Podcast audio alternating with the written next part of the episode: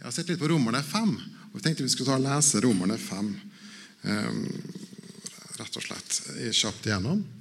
Og så skal jeg snakke litt om enkelte ting i Romerne 5. Og så skal Marianne komme på etter hvert. da. Jeg skal prøve å holde meg litt kort. Da kan du klikke litt videre. Eh, fred med Gud det er litt, litt tema her, da. Da vi altså er blitt rene for Gud pga. tro, har vi fred med Gud pga. vår Herre Jesus. Ved troen på Han har vi fått oppleve Guds nåde. Ja, vi står midt oppi den. Nå kan vi glede oss over håpet om at vi skal få være med Gud i Hans herlighet. Derfor klager vi heller ikke over livets motgang. Vi vet at motgang i livet gir oss tålmodighet. Tålmodigheten gir oss utholdenhet, og det trener oss til å ha et aktivt håp. Det gjør oss faste i troen, slik at vi faste i håpet om det evige liv. Dette håpet vil, vil aldri gå. Klikke litt videre. Ja. Over i skuffelse. For Gud er trofast, og han har gitt oss Den hellige ånd, som fyller hjertet vårt med kjærlighet.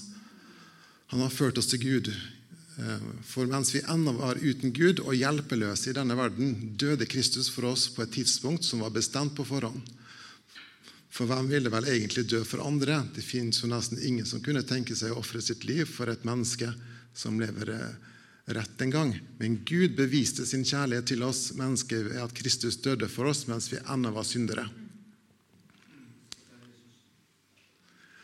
Nå som Jesus ved sin død og sitt blod har betalt vår synd, kan vi være trygge på at han også vil frelse oss fra å bli dømt av Gud. For vi var Guds fiender, men nå har vi fellesskap med Gud pga. hans eh, sønns død. Derfor kan vi nå som vi er Guds venner, også være trygge på at Hans sønn vil redde oss fra det evige fortapelse, ettersom han sto opp fra de døde. Nå kan vi fryde og glede oss i Gud på grunn av Jesus, vår Herre, Han som har ført oss sammen med Gud. Synden kom inn i verden ved ett menneske, Adam, og døden ble en følge av synden. Deretter syndet alle mennesker, og derfor vil alle mennesker til slutt dø. For alle mennesker er syndet lenge før eh, jødene hadde fått Moseloven. Men for, for, men for, å forbryte seg mot en lov må jo først loven være til stede. Derfor regnes ikke synden som fantes før loven eh, var på plass, men syndens konsekvenser var likevel synlige. For også fra Adam og fram til Moses hersket døden, selv om de ikke hadde en lov å bryte seg mot. Adams handlinger fikk konsekvenser for mange. Slik er hans forbilde på Jesus, som skulle komme senere. Men Guds redningsplan kan ikke sammenlignes med syndefallet. For ett menneske førte til et brudd mellom mennesker og Gud. Mange døde pga. Adams handling da han åpnet for synden. Hvor mye kraftigere blir det da når Gud selv handler ved å gi sin nåde gjennom Jesus? Denne gaven, Jesus, har så mye større effekt enn tapet som Adam representerte. Ja, Forskjellen er så stor at dette ikke kan sammenlignes. Dommen over Adam ble en fordømmelse over verden. Menneskene etter Adam fortsatte bare å synde, og slik holdt de på helt fram til Gud kom med sin nåde og ga dem Jesus. Dermed gjenopprettet han alt igjen. Synden til den ene mannen førte til at alle ble dømt til døden, men synden til alle mennesker førte til at Gud viste oss nåde og tilga oss. Gud har overflod av nåde som han velvillig deler ut til alle mennesker som tar imot Jesu offer for dem. De skal ha liv og herske ved det ene Jesus. Altså På samme måte som Adams handlinger førte forbannelse over alle mennesker, og at deres relasjon til Gud ble brutt, fører Jesu død til liv og gjenopprettelse mellom menneskene og Gud. Alle ble gjort til syndere pga. Adams ulydighet, men menneskene vil kunne vil kunne føres tilbake til Gud pga. Jesu lydighet. Da Gud ga menneskene Moseloven, ble det enda mer synlig hvor mye galt menneskene egentlig holdt på med. Men der synden ble stor, ble Guds nåde enda større. Slik som synden herjet med mennesker og førte til død, slik skal også nåden herske og gi evig liv ved Jesus, vår Herre. Mm. kan gå tilbake til starten der.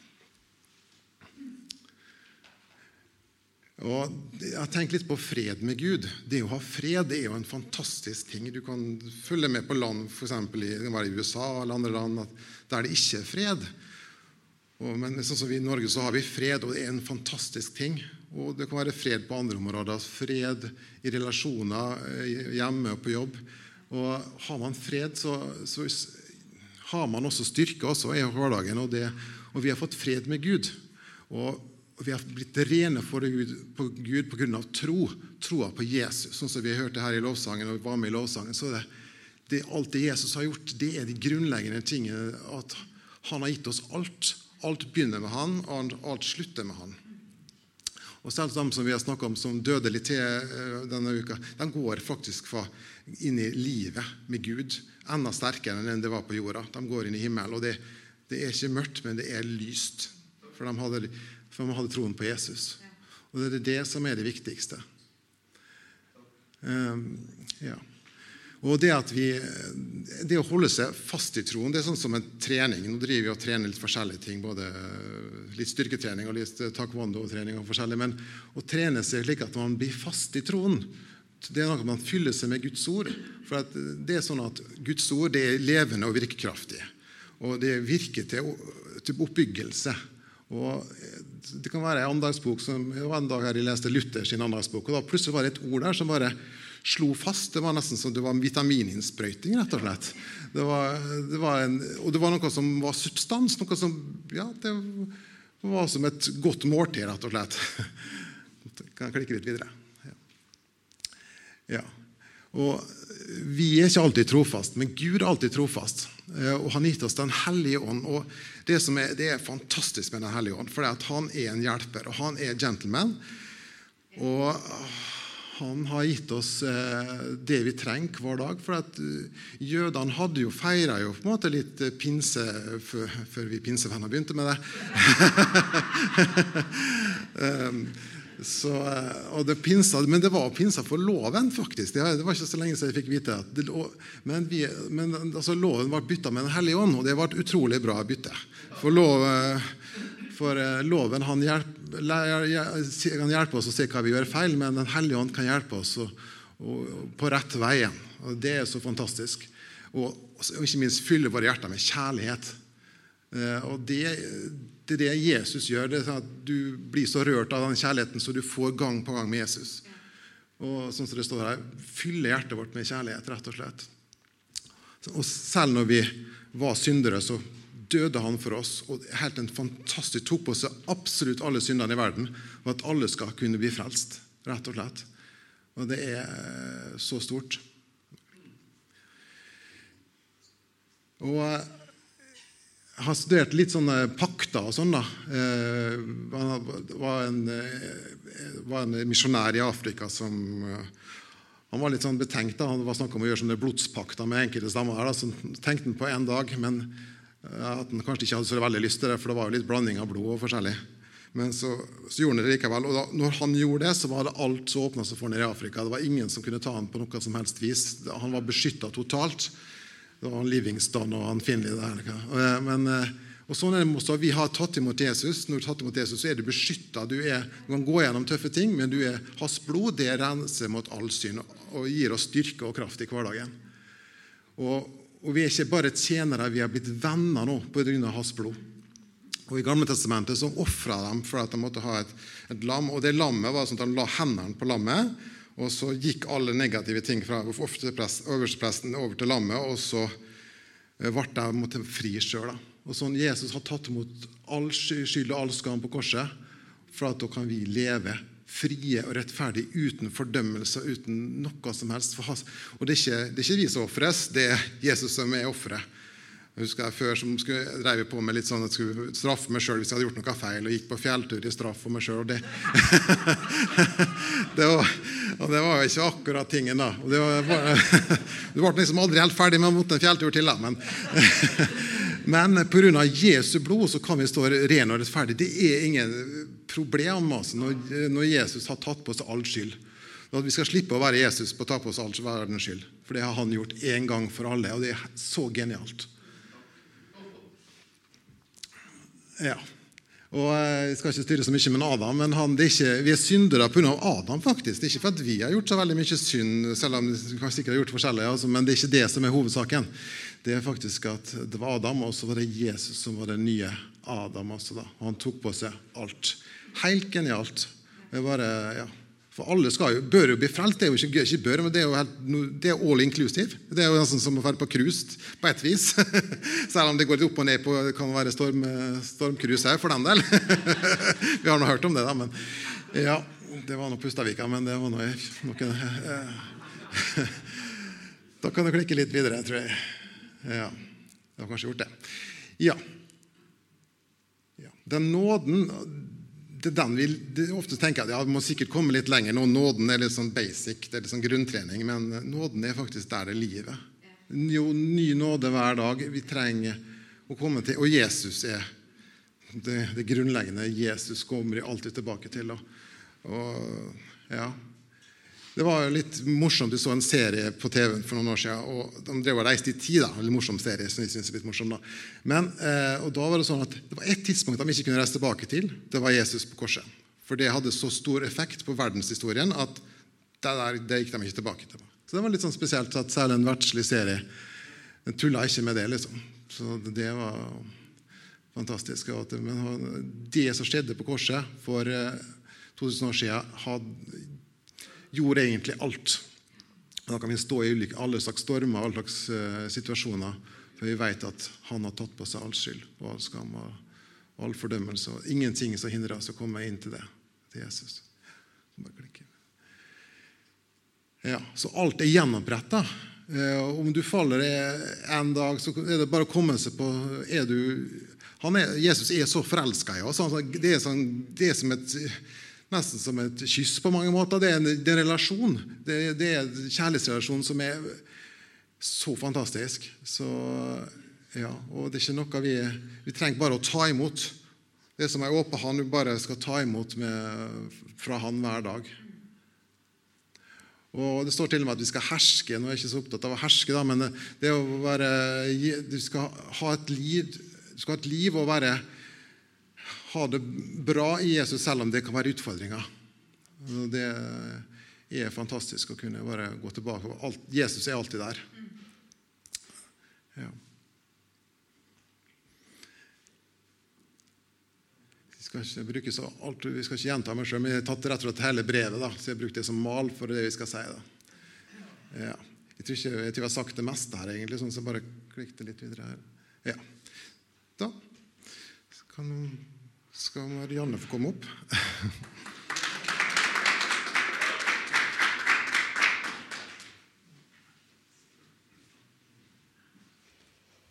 Jeg hadde egentlig tenkt å si litt i forhold til Guds ord, men så landa vi egentlig på det med Guds kjærlighet. Og jeg ser jo vi har jo Eller Gud har ordna en rød tråd, tenker jeg, for vi har ikke egentlig snakka så mye sammen i en Peljanni. Men jeg opplevde at et av nøkkelversene mine ble i Romerne 5,8. Så hvis du finner fram verset Jeg har en annen oversettelse, men det fins jo mange versjoner. Eh, Gud viser sin kjærlighet til oss ved at Kristus døde for oss mens vi ennå var syndere. Og så hvis du går et klikk til fra det fjerne har Herren åpenbart seg for meg. Ja, med evig kjærlighet har jeg elsket deg. Derfor har jeg latt min miskunn mot deg vare ved. Og det er jo fantastisk. Ikke sant? Altså, tenk at Gud virkelig elsker det akkurat sånn som du er. Uansett hva du har gjort, hva du føler, hva du opplever, hvordan dagen din er, hvordan ting har vært. Uansett hva du gjør eller ikke gjør, så er du like høyt elska. Fordi at eh, han døde jo for oss for lenge siden, før vi egentlig levde på jorda i det hele tatt. Så viste han sin kjærlighet mot oss. Og jeg syns noen ganger det er litt vanskelig å skjønne og forstå det der at han virkelig elska meg. Fra øverst til nederst, fra innerst til ytterst. Og det å virkelig skjønne at det gjelder ikke bare alle mennesker. Ikke sant? Eh, for så høyt har Gud elsket verden at han ga sin sønn. Ikke sant? Men altså, det gjelder hver eneste en av oss. Og alle i hele verden. Uansett. Og at det er ingenting vi kan gjøre for at han skal kunne elske oss mer. Og ingenting vi har gjort som kan ødelegge for den kjærligheten. Det er en setning i en sang som jeg syns er helt fantastisk. En Hillsong-sang. Um, den uh, sier som her Det er på engelsk, men alle kan jo det i våre dager. Uh, Nothing you can do can make him love you more. And nothing that you've done will make him shut the door. Jesus han er veien, han har åpna opp. og han står der alltid klar til å ta imot. Og av og til når vi gir noe til noen altså Hvis jeg klarer å gi noe bare ut av kjærlighet, ut av glede, fordi at jeg har lyst til å gi, så går det helt fint uansett reaksjonen av den andre. Men hvis jeg gir noe, og da forventer å få noe tilbake, og det ikke blir helt sånn som jeg har tenkt, da kan en kanskje angre litt på at jeg ga det jeg ga. Men Gud er ikke sånn. Han elsker. Da. Eh, Romeren 8,1 så er det ingen fordømmelse for den som er i Kristus Jesus. Og den som har tatt imot Jesus, er i Kristus Jesus. Og noen ganger så Før, når jeg skulle på møte, så var det alltid noe konflikt, noe som skjedde hjemme, noe krangel, eller en var sur, irritert, sliten. Hadde kanskje ikke lest i Bibelen eller bedt sånn som en følte en skulle ha gjort eller burde ha gjort. og sånne ting. Eh, ikke sant? Og så er du litt sur og irritert og så skikkelig dårlig samvittighet. Og skal jeg ferde der på møte og hykle og liksom late som jeg er en prektig kristen her og prise Gud på møtet? Eh, men så skjønte jeg at det var ikke det det handla om i det hele tatt. Og det var så godt å da bare kunne komme på møte, komme sammen med andre. Bare kunne legge vekk, kaste på Jesus alt sammen og bare kunne opphøye hans navn og bare være fri. Ingen fordømmelse, fordi det Jesus har gjort. Det er derfor Jesus tok alt på seg. og Det har ikke noe med meg å gjøre i det hele tatt. Og han er verdig. All lov, all pris. Alt det. Jeg skal bare ta noen vers i forhold til det med fordømmelse. Jeg vet, i forhold til det med fordømmelse, Ian Pauline snakka litt om det. Det er sånn som jeg har slitt mye med. Han har ikke helt forståelse for det, der, for han har ikke hatt den erfaringa. Ikke sant? Så, så, så, hvis det, er noen som sitter her og på en måte tenker at hva er dette her for noe, liksom, så for meg så har det vært kjempekrevende og kjempeutfordrende. Jeg jobba mye med tankene mine. Og Pauline har ikke helt ja, Hva er greia, liksom? Selvfølgelig. Gud har jo sagt det er ingen fordømmelse. Ja. Og det er jo kjempefint, det. Ja. Men det står faktisk litt om det i Bibelen. Så da tenker jeg at det er flere enn meg. Ellers har Gud skrevet det bare for meg. Eh, for om vårt hjerte fordømmer oss, så er Gud større enn vårt hjerte og kjenner alle ting. Mine kjære, dersom vårt hjerte ikke fordømmer oss, da har vi frimodighet for Gud.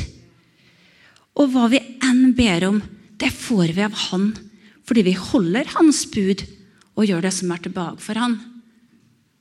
Dette er Hans bud, at vi skal tro på Han og Hans Sønns Jesu Kristi navn, og elske hverandre slik Han bød oss. Den som holder Hans bud, blir i Han, og Han i ham.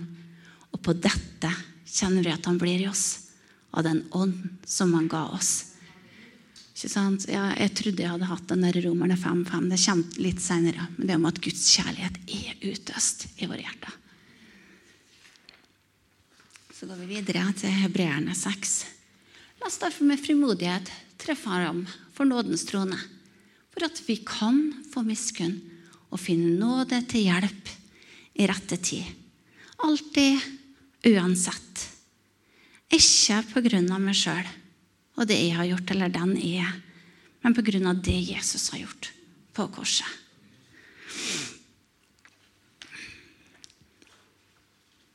Guds ord og løfter, de står fast.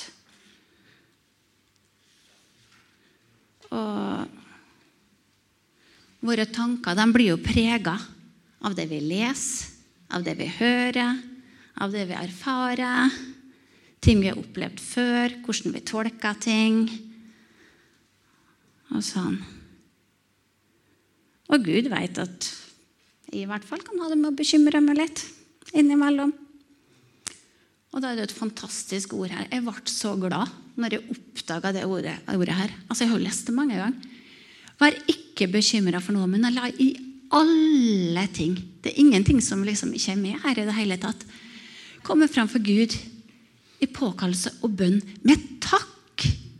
Altså, det er jo massevis av løfter inni her som vi kan ta tak i, og så kan vi takke. Vi kan ta de løftene som Gud har, og så kan vi takke og så kan vi kaste vår bekymring på Han. Eh, og Guds fred, som overgår all forstand, skal bevare hjertene og tankene i Kristus Jesus. Det er ikke alltid mine tanker i linje med Guds ord. Men da å kunne kaste de tankene på Han, kaste bekymringene på Han, fordi at Han er god, fordi at Han har omsorg for oss.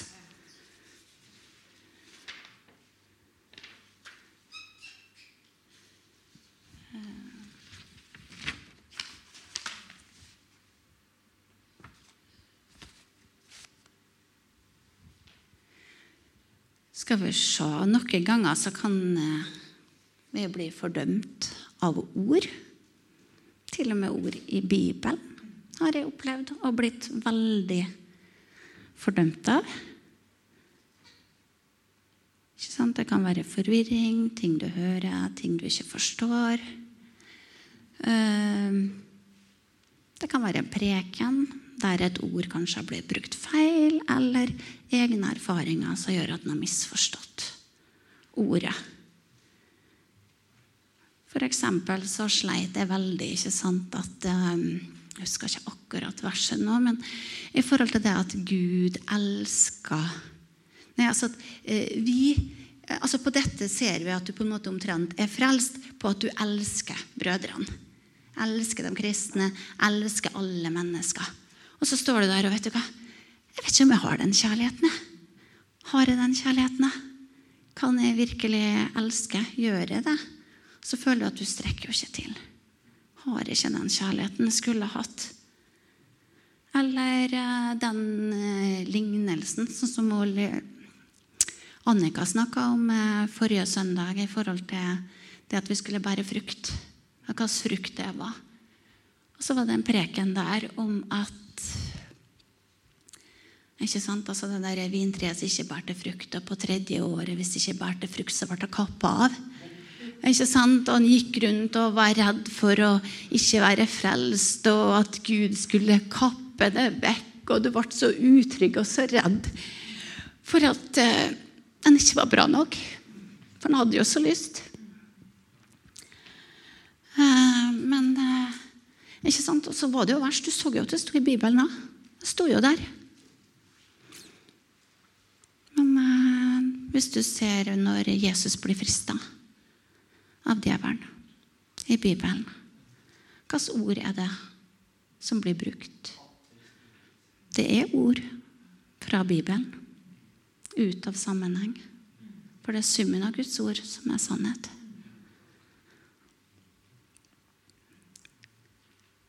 Eh, så hvis vi går videre nå til Romerne 5.5 så I forhold til det med kjærlighet og at jeg kjente jeg ikke hadde det, så håpet gjør ikke stamme til skamme. For Guds kjærlighet er utøst i våre hjerter ved Den hellige ånd, som er oss gitt. Sånn, Gud har utøst sin kjærlighet i våre hjerter.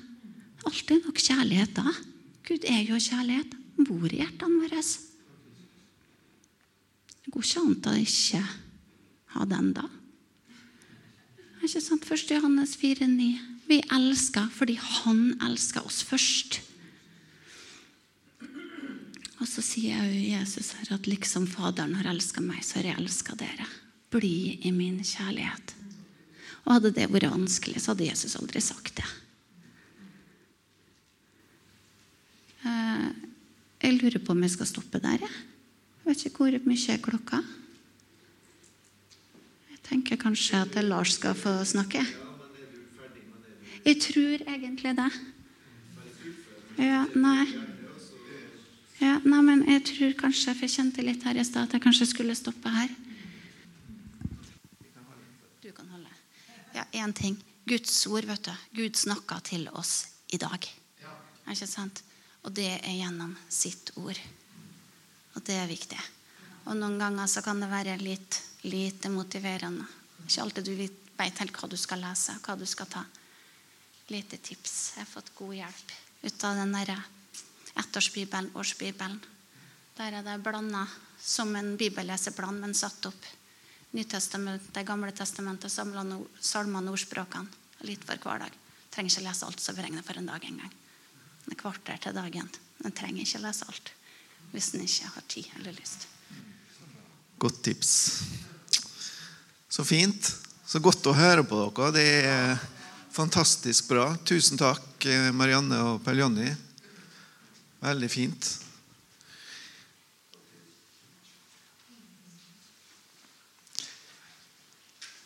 Jeg, jeg har vært litt i Markus i den siste tida. Skal jeg reflektere litt sammen med dere fra Markus, hvis det er ok?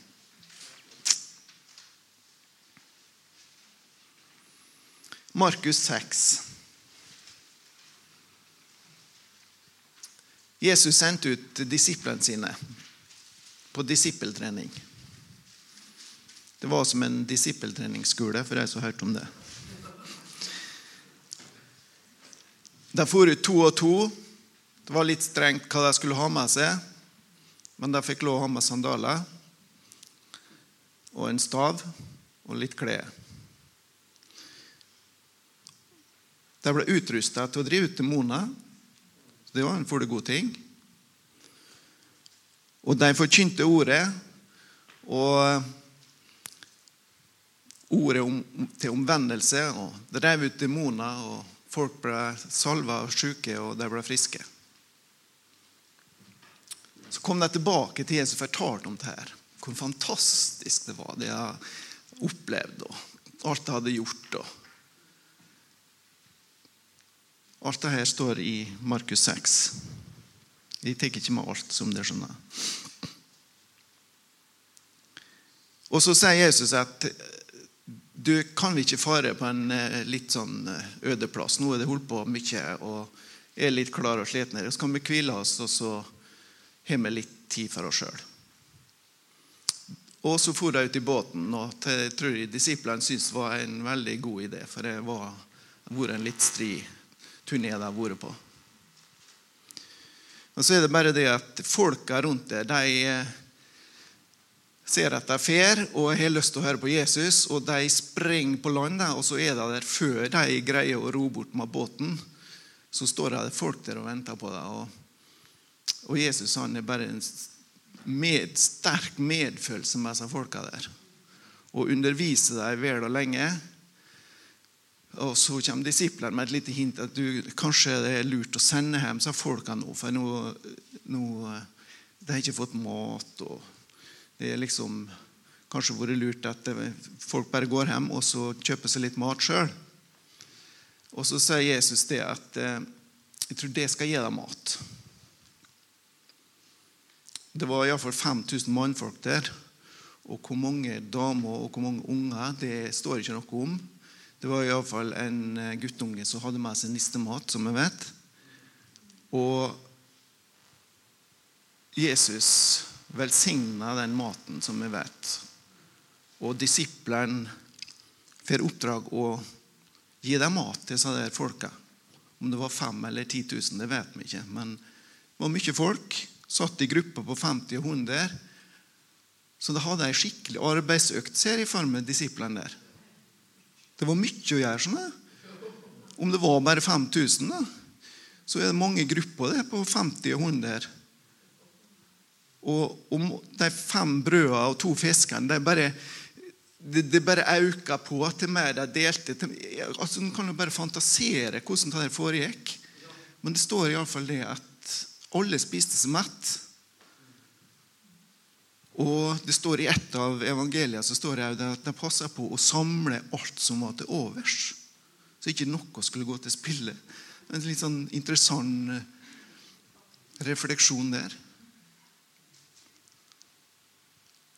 Og så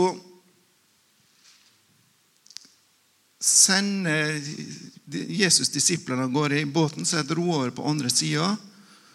Og så skal jeg sende hjem folka når alle har fått seg mat.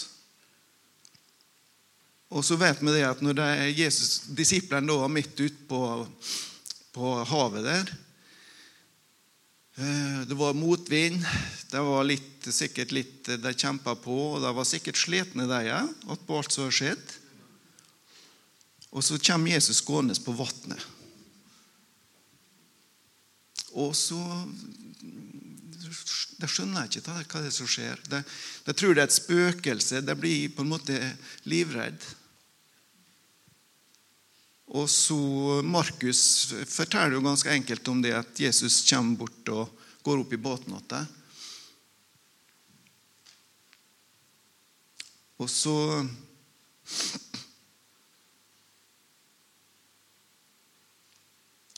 Skal vi se her Så sier Jesus at eh, Eller det er egentlig Markus som sier det. For de disiplene var helt forskrekka. De var, de var på en måte redd, og, og så skriver Markus at eh, de hadde nemlig ikke forstått det med brødene, for deres hjerter var blitt harde.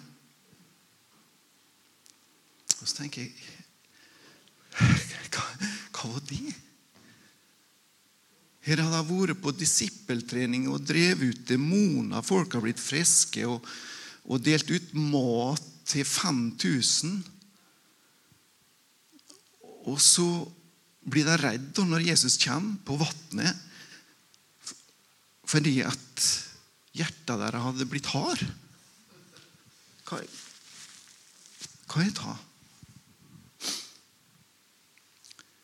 Og så videre, så i kapittel 8 så er det på en måte litt eh, reprise på, på den eh, historien. Da er det 4000 personer. De er ute, blitt på en øde plass, og de trenger mat.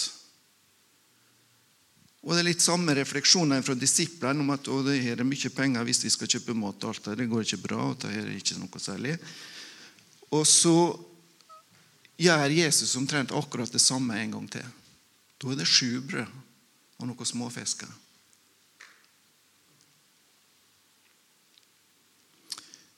Og litt etterpå så snakker Jesus til fariseeren, og så advarer Jesus om surdeigen, fariseernes surdeig. Og da blir disiplene fordømt.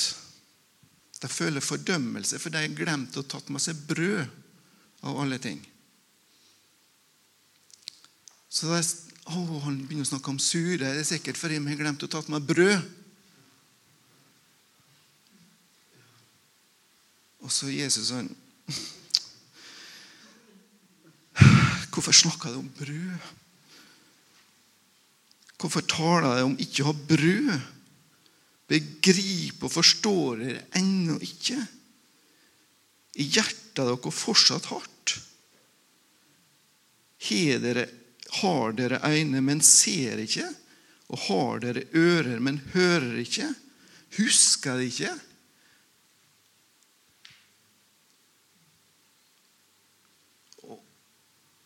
Så tenker jeg det at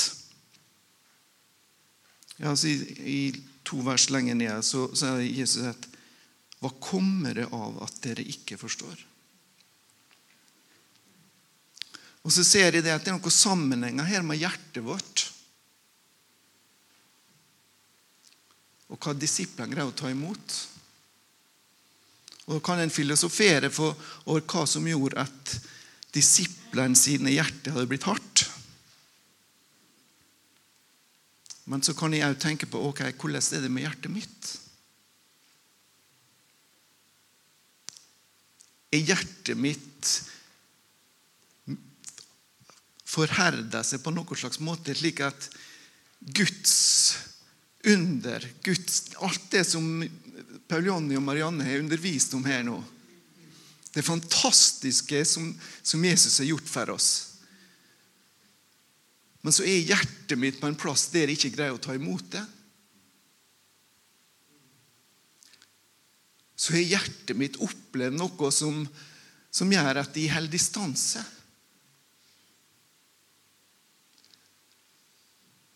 som gjør at de, jeg glemmer det. Jeg glemmer Guds under mot meg, til meg. For hjertet mitt er, er litt hardt.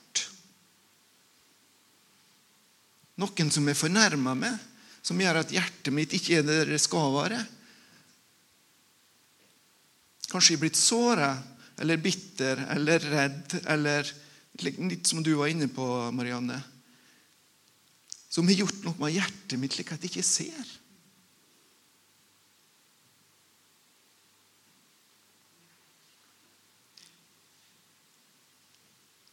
Markus 4 der snakker han om såmannen som sår ordet. Men så blir det noe som blir stjålet vekk, og, og, noe blir kvert. Det er jo interessant i den sammenhengen her. For er det ordet treffer det god grunn i hjertet vårt.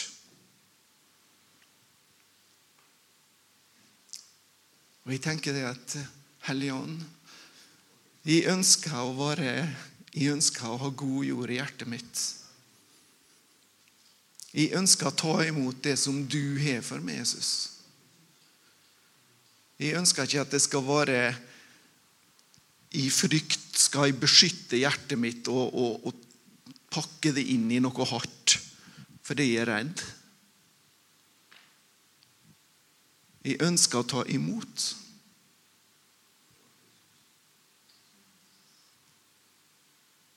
Og jeg tenker at Vi står i litt samme utfordringene som disiplene. Selv om de sto midt i underet, midt i det som Jesus gjorde, midt i alt sammen, så begynte det å var det kanskje litt sånn menneskelige ting som gjorde at hjertet blitt hardt? Jeg vet ikke. Men det var iallfall noe som hindra deg i å se og forstå og ta imot.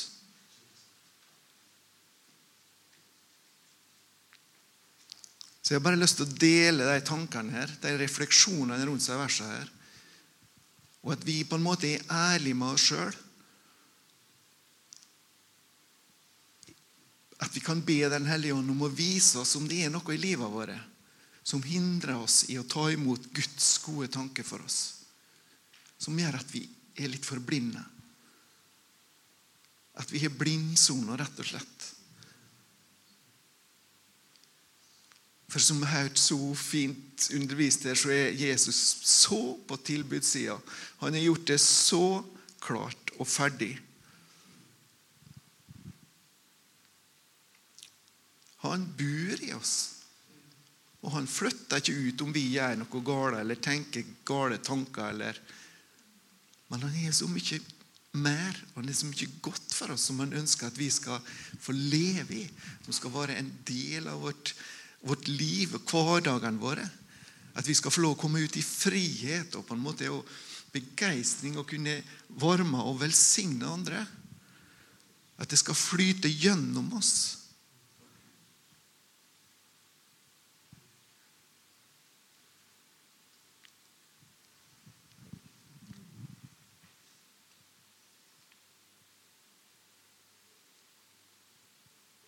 Er et ord som er brukt i den oversettelsen, bibeloversettelsen min. Det er litt av det. Vi kan ta anstøt, og det er med å forherde hjertene våre. Det kan være egentlig småtteri og bagateller og på en måte ting som vi bare opplever, som gjør at vi forherder oss litt og at det er vanskeligere for oss å ta imot ifra Gud. Bevar ditt hjerte fremfor alt du bevarer, står det i ordspråket. For livet utgår fra det. Og Det er noen dype sannheter her. Et mjukt hjerte. Et, et, et jordsmonn i hjertet som er mottakelig for, for ordet. Mottakelig for, for underet i livet vårt. Jeg, for mange år siden så har jeg en opplevelse med Jeg fikk så vondt i ryggen. Eh, det var den tida vi bodde på Grimrud. Heidi var tre-fire år. Så jeg var hjemme fra jobb og var helt utslått, egentlig. Eh, og jeg la meg ned på gulvet for å ligge hardt og for å kunne greie å fungere. Eller da fant jeg en stilling som det ikke var vondt av, for å si det sånn. Så jeg sa til Heidi å, jeg tror du må be for pappa, sa jeg, for at jeg har så vondt i ryggen. Og Heidi, tre og et halvt år eller hva, der omkring å, kjære Jesus, må du hjelpe pappa, eller et eller annet sånt. Jeg kjente ikke noe forskjell, for jeg har liksom funnet ei stilling der jeg var Bare lå pinnstille, så gikk det bra. Men når jeg skulle bevege meg og flytte på meg, så kjente jeg at jeg hadde ikke vondt lenger. Jeg var helt god. Men det som, litt, det som er litt rart Det var et fantastisk mirakel. Til mer jeg tenker på det i ettertid, til, til større blir det. Men, men plutselig, når smerten er vekke, så er du tilbake til det normale. til Det liksom, det er nesten slik at Har jeg vært dårlig? Ja, men det er litt rart. Plutselig så har du du ikke vondt lenger. Så det der med å huske på Guds velgjerninger, det er faktisk ganske viktig. For det går, Selv om en har hatt så vondt at en ikke greide å gå på jobb, at en ligger liksom rett ut, så er det råd nesten å glemme det, for plutselig så var det vekke. La oss huske på Guds velgjerninger mot oss. La oss dele det med andre. La oss oppmuntre hverandre. For Gud har så mye godt for oss. Jeg tror jeg skal avslutte med det.